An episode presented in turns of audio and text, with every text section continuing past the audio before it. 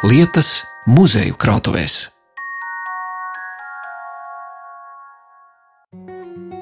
Aptuveni 20 minūšu braucienā aiz smiltenes nonākam Bilskas pagasta mēros, kur slēdzas drukna, bet glezniecisku siluetu ar sarkaniem dakstiņiem apjumta būve - Mēru mūžas kungu māja. Būvēta 20. gadsimta sākumā, Nodibinoties Latvijas valstī, nams pielāgots skolas vajadzībām, bet kopš 2009. gada te ir ierīkots Smiltenes novatpētniecības muzejs un šeit uzklausīsim lietu stāstus par novada vēsturi. Vienkāršs un praktisks galds pēdiņās runās par Firstu Paulu Līvenu un viņa darbiem Smiltenes apkaimē. Remonta darbu laikā uziets sens dokuments vēstīs par mēru muižas īpašniekiem, baroniem, cekeliem un hekeriem, bet koši glazēts šķīvis vēstīs par smiltenieti, vienu no latviešu profesionālās keramikas aizsācējiem, Jēkabu Drandu. Ieejam krājuma telpās, un muzeja vadītāja Ieva Miķe mani pieved pie tumša sarkanbrūna galda. Lakoniska izskata mēbele, bez rotājumiem, galda virsmas līpa un izodarēta ar zaļu vilnas audumu. Galds reiz ir piederējis cilvēkam ar inženieru izglītību, pateicoties kuram smiltenē tika uzbūvēta spēkstacija, slimnīca, dzelzceļš un kokzāģētava.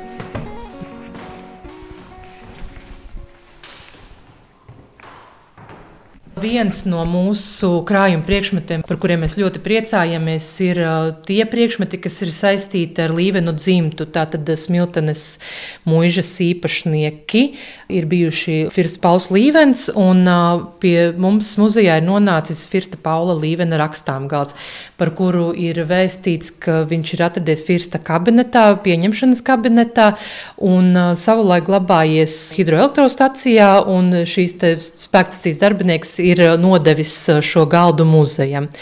Kā zināms, Firsts Līvens ir uh, cieši saistīts ar Smiltenes tobrīd miesta attīstību. Viņš ir gan ieguldījis līdzekļus, gan savas zināšanas un laiku, lai Smiltenes miestā izveidotu priekšnosacījumus pilsētas izveidei. Tad, tad Firsts Pauls Līvens ir ne tikai izstrādājis projektu Smiltenes šausliežu dzelzceļa līnijai no Smiltenes līdz Ainažiem, Viņš ir arī piedalījies Smiltenes slimnīcas būvniecībā, hidroelektrostaciju uzbūvējis uz Abulu upes, tātad uh, ieguldījis pietiekami daudz uh, laika un, un līdzekļu, lai Smiltene attīstītos, tas novedis arī vēlāk pie Smiltenes pilsētas tiesību piešķiršanas. Mēs esam krājuma telpā, kur, kā vienmēr, cilvēkam varbūt nav tik patīkami temperatūras dēļ, bet krājuma priekšmeti te jūtas lieliski. Jā, jā viņam ir te ir piemēroti apstākļi un galds šeit jūtas ļoti labi. Galds ar rakstām pulties pareizi nosauc to virsmu, jo galds ir nedaudz lēzens, lai varētu ērti rakstīt vēstules. Jā, jā. tieši tā. Ko jūs esat izpētījuši? Nu, kā tas ir gatavots? Nu, nav nekādas tādas cakas un greznojumi. Ļoti... Stāstījumā iesaistās Vitas kolēģe izglītojošā darba un darba ar apmeklētājiem vadītāja Vita Blate. Par galdu kā priekšmetu var teikt, ka tas ir tāds tipisks 19. gadsimta kabineta mūžas, teiksim, tāda aristokrātu kabineta galds. Izskatās pēc sarkana koka, bet tur vajadzētu vēl ekspertīzi. Visticamāk, dārgs koks. Manu interesi piesaista, ka tā virsma ir, ir pielīmēts zaļš audums, vai tas ir oriģināls jau bijis tas audums. Es saprotu, tas speciāli, lai neslīdētu papīra lapas. Iespējams, ka varētu būt oriģināls, bet ņemot vērā, ka neko vairāk mēs šobrīd uh, nezinām. Principā ir šie galdi bijuši arī ar to neslīdošo virsmu. Vajadzētu būt, ka ir oriģināls. Jo pēc izskata tas ir tiešām klasiski. Šī tumša zaļā krāsa, kas bija uz sarkana koka, tas ir raksturīgi lielākajai daļai mūžas īpašnieku darba kabinetu aprīkojumam. Bet, lai mēs tā precīzi pateiktu, mums vajag aicināt, protams, restauratorus un uh, ekspertus. Bet kā jūs zināt, ka tas ir piederējis Firstam Līvenam un kāds tas stāsts, ka hidroelektrostacijas ēkā? Jā. Tā kā hidroelektrostacija bija viens no līvena tādiem lielākiem darba projektiem vai iecerēm, tad tas ir pieņēmums. Mēs jau nezinām neko absolūti simtprocentīgi.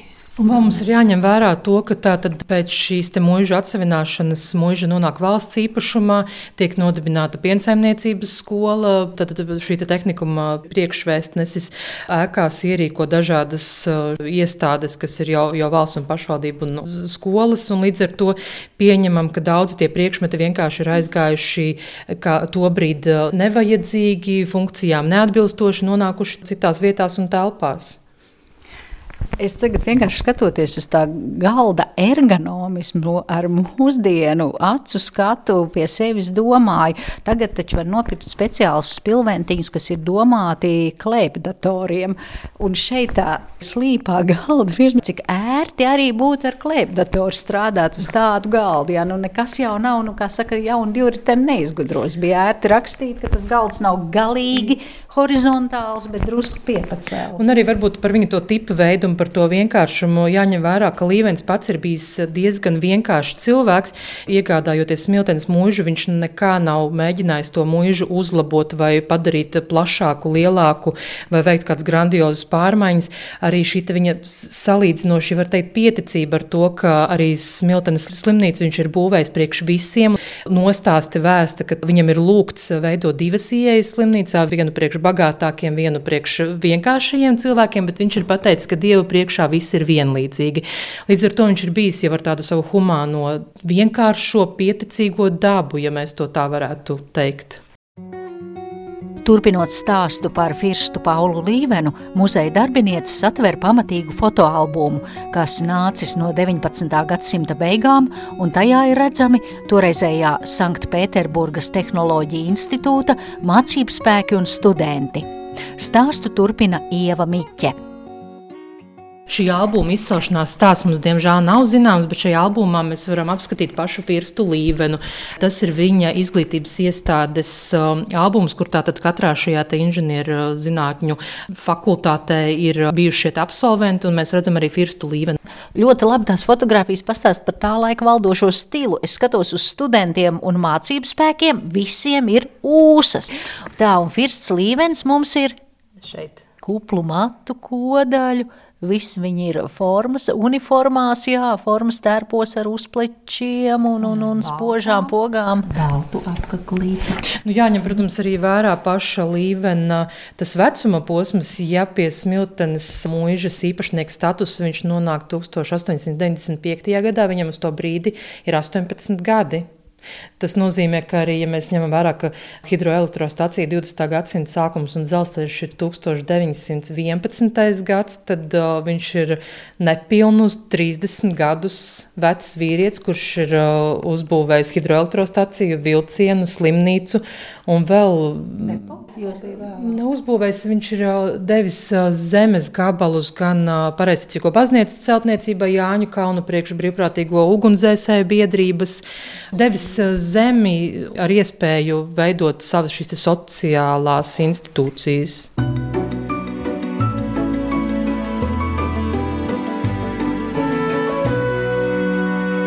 Vietu lietas. Tālu stāsts par enerģisko firstu līvenu, kura darbības rezultātā attīstījās smiltene, bet turpinājumā ieskats mēru muižas īpašnieku vēsturē. Vispirms gan jāpaskaidro, ka vietas nosaukumam nav saistības ar mēri, kas vidzemē ir plosījies pēc Lielā Ziemeļu kara 18. gadsimta sākumā.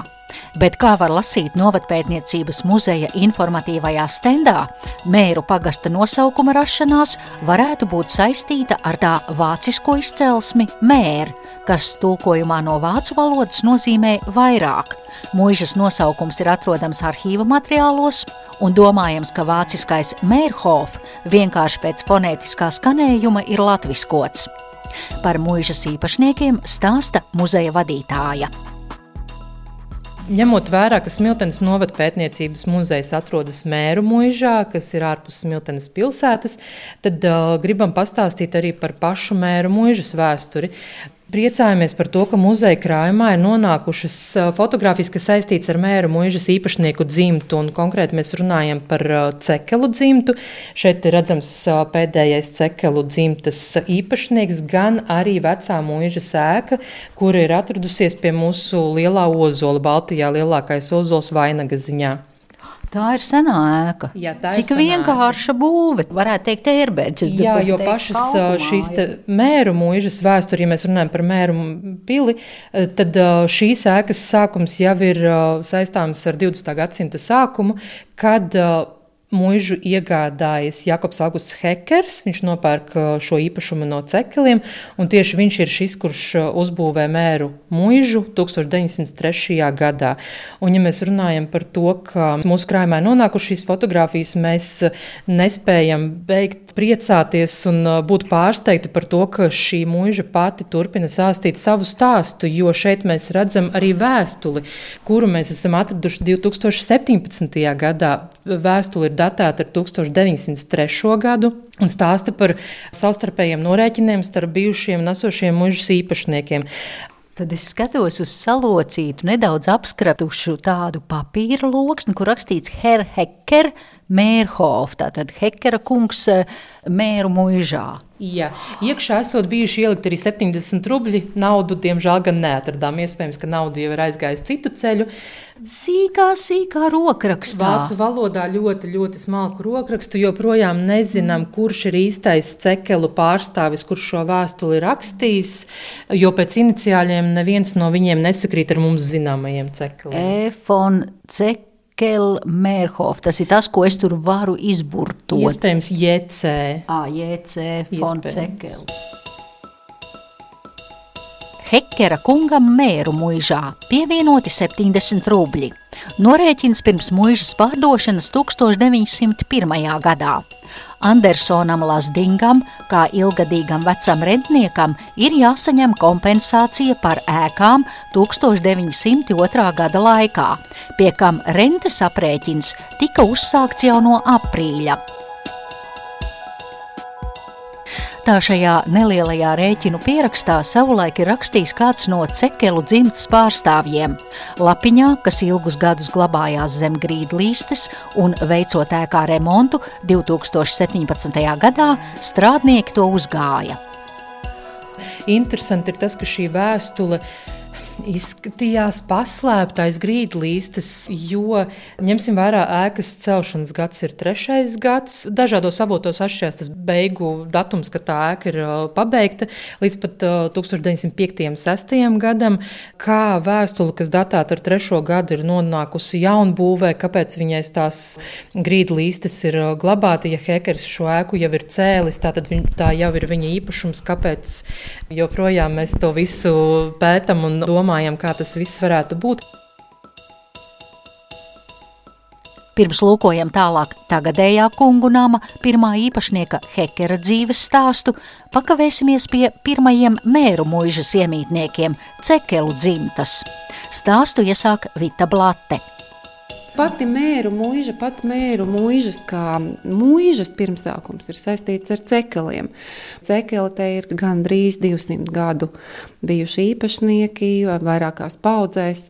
Un viens no viņu dzimtas pārstāvjiem 19. gadsimta vidū ir bijis kā prototyps Zēbot Jēkabam Baronam Bundulam. Vairākas tās sakritības Zēbot Jēkabs ir dzīvojis tepat netālu, viņi bijuši laika biedri un sakritības starp to romāna varoni un, un mūsu mužnieku arī ir pietiekami liels. Viena no tām lielākajām sakritībām, laikam spilgtākajām, ir tā, ka Barons Bunduls precējies ar trim māsām un arī mūsu cekels ir precējies ar trim māsām no Fegazaku dzimtas, kuras dzīvojuši tepat um, Lobērģu muižā.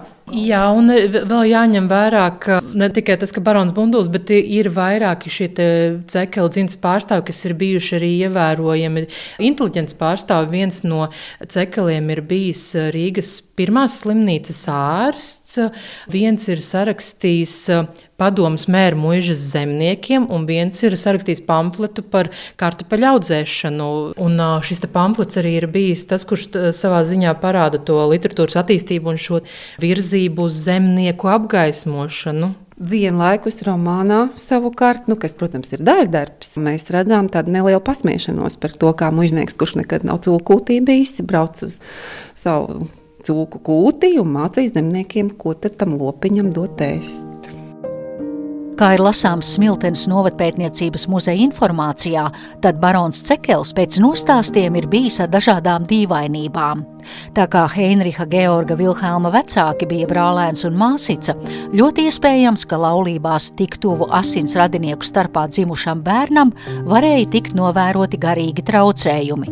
Droši vien ne bez pamata barons Bunduls romānā ir apveltīts ar tādām īpašībām kā vientiesība, muļķība un lēticība. Savukārt pēdējā mēru mūžas īpašnieka Jākoba Augusta Hekera liktenis izvērsās traģisks, kad 1918. gada februārī savstarpējās cīņās starp Vācijas un Krievijas armijām lielinieku kareivji atkāpjoties arestē padomju varas pretiniekus, vairākus desmitus latviešu inteliģentu un sabiedrisko darbinieku, mācītājus, advokātus, lielākos gruntniekus, tirgotājus, namsaimniekus, kā arī vācu vācu muizniekus, tostarp arī mēru mūžas īpašnieku Jākobu Hekeru. Stāsta Ieva Miķe un Vita Blate. Mums no paša hekera ir tikai fotonegatīvs.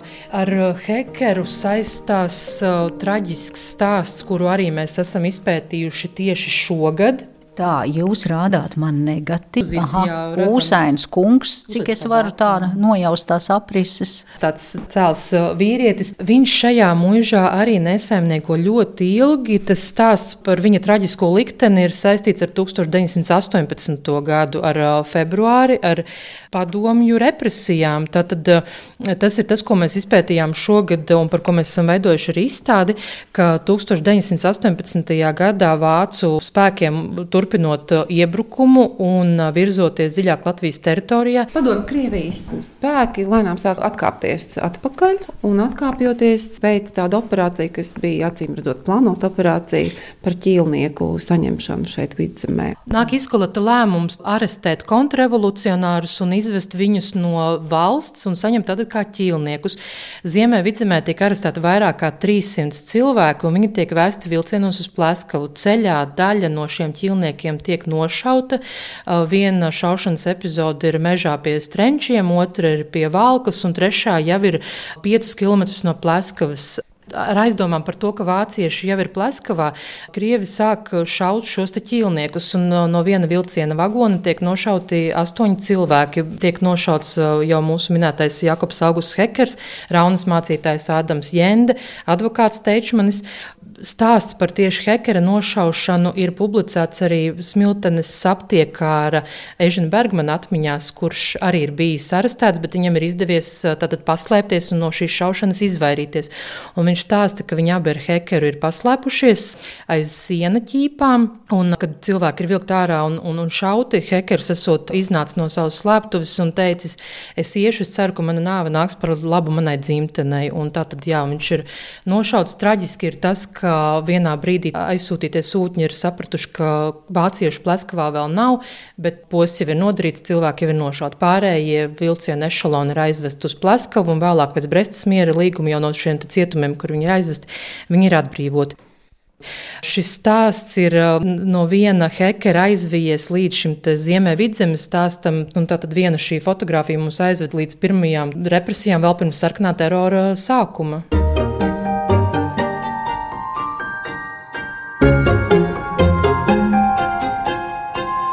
vietu, lietas. Mērmuīžas baronu likteni iepazinuši, nu dodamies tālāk uzzināt ko vairāk par vienu nozīmīgu lietišķās mākslas meistaru, par kuru, atceroties viņa 130. dzimšanas dienu 1983. gadā, laikrakstā Literatūra un māksla bija rakstīts tā. Smiltenē 19. gadsimta beigās strauji uzplauka amatniecība, un Jēkaba Drandas patstāvīgo potnieka gaitu sākums Smiltenē sakrīt ar potniecības straujo uzplauksmi. Smiltenes apkārtnē podnieku meistaru bijis daudz, tātad konkurence liela. Tas stimulēja veidot labas kvalitātes darbus. Toreiz jau sen pirms slavas iegūšanas Jēkabs Dranda bija iemantojis cieņu un popularitāti Vidzemes novadā. Jēkabs Dranda ir viens no latviešu profesionālās keramikas aizsācējiem. Pirmais latviešu tautības keramiķis, kas ir ieguvis starptautisku atzinību. Viņa darinātie šķīvji Milānas starptautiskajā mājrūpniecības izstādē 1906. gadā ieguva sudraba godalgu. Drantas darbi skatāmi muzejos Rīgā, vairāki keramikas izstrādājumi savulaik aizceļoja uz Krieviju, un te novada muzejā ir aplūkojami tik divi izcilā keramiķa darbi. Nedaudz aplupis, neglazēts, māla pocis tāds pamatīgs, vai tur krējumu turēja, vai ko diviem maziem rokturīšiem, pat ne osiņām. Jā. Nu, un, ja mēs gribētu tādu precīzu krājuma priekšmetu aprakstu, tad es varu nocitēt, ka šis ir pocis, vīrpocis, tumši brūns, iekšpusē vapēts, materiāls māls, vietām ārpusē glazējums, apakšdaļā sašaurināts, plecu daļā paplašināts, augšmala taisna un bieza. Augšdaļā divas paralēlas svītras, osu vietā puļķīši. Robustais pots nav raksturīgākais drāndas darbs. Plašāk zinām ir viņa darinātie šķīvji, par kuriem mākslas zinātnieki raksta tā. Darbos vērojamas gan latviešu tradicionālai podniecībai raksturīgās iezīmes, rotājumam izmantots dabas formām tuvs ziedu motīvs. Darbi ir gaišās un priecīgās noskaņās. Viens šāds šķīvis ir redzams arī Smiltenes novatpētniecības muzeja atvērtajā krājumā stāsta Vita Blate. Kermiķis eh, Jēkabs Dranda kas ir dzimis smiltenietis un vēlāk kļuvis par tādu 19. un 20. gadsimta mīsu slavenu keramiķi. Mūsu ekspozīcijā tātad ir divi priekšmeti, un tas ir diezgan unikāli. Tādēļ, ka Jēkaba Drandes dāļradi nu, tik bieži nemaz sastapt nevar. Tikai muzejos šobrīd ir viņa dāļrade. Tajā skaitā Krievijas etnogrāfijas muzejā Sanktpēterburgā ir viņa, ja nemaldos, 18 šķīvi, kas arī tika aizvesti jau gadsimta sākumā tur. Mazliet par Jēkabu Drandu runājot, tātad dzimis smiltenietis, vēlāk mācījies podniecību pēc Vanderzeļa gadiem, atgriezies Smiltenē, nodibinājis savu darbnīcu, mājas, ko nosaucis par podnieku drandiem savā uzvārdā ļoti daudz ietekmējies no to laika slavena grafiķa Riharda Zariņa. Un Rahards Zariņš ir bijis tas, kas viņu ir pamudinājis nodarboties faktiski ar mākslu.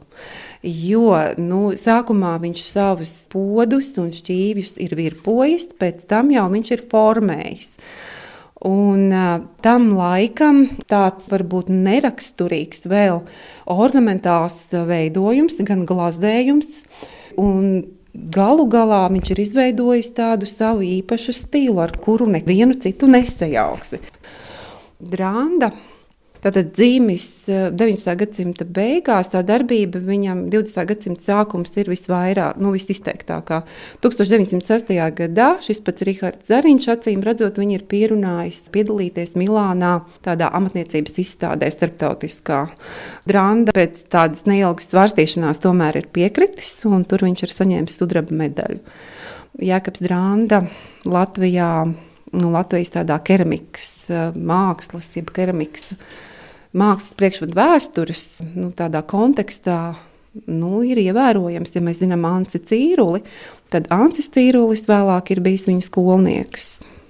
Lazūriņu. Tas zilums ļoti patīk. Man šķiet, ka nu, mm -hmm. mēs zinām, ka Latvijas keramika, bet es skatos uz to zilumu, nu nav tas tāds tradicionālais. Nav. Un arī pārējiem šķīviem, gan zilā, gan zaļā krāsa ir, tā tonalitāte ir ļoti bagāta. Viņa, tā nav arī tāda mūsu nu, pierastā izpratnē klasisks krāsas. Viņš ir spēlējies ar glazūrām diezgan daudz mm, savā daļradē, un acīm redzot, izmantojot dažādas pieaugumus, tām glazūrām arī krāsa ir.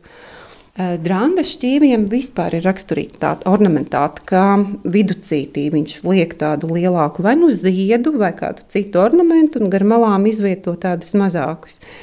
Dekoratīvās mākslas dizaina muzejs Tur ir pašā centrā drānda šķīvi nolikti diezgan daudz. Vēl vairāk ir vēstures muzejā, arī cēlus muzejā ir, bet mēs lepojamies tiešām, ka mums ir šie divi. Jā, tā kā tāds, nu. 19. gadsimta beigas, nu, sens tas šķīvis ir. Nu, tā un cik tiek datēts. Pats Drāns ir bijis pēc nostāstiem pieticīgs. Ja viņam ir jautāts, un, un viņš ir lielīts un slavēts, tad viņš pats esot teicis, ko tad es tie jau māli. Izskan raidījums par Smiltenes novada vēsturi, un to stāstīja Smiltenes novadpētniecības muzeja vadītāja Ieva Miķe un izglītības darba vadītāja Vita Blate. Raidījumu veidoja Zane Lāce Baltalksne. Vietu lietas.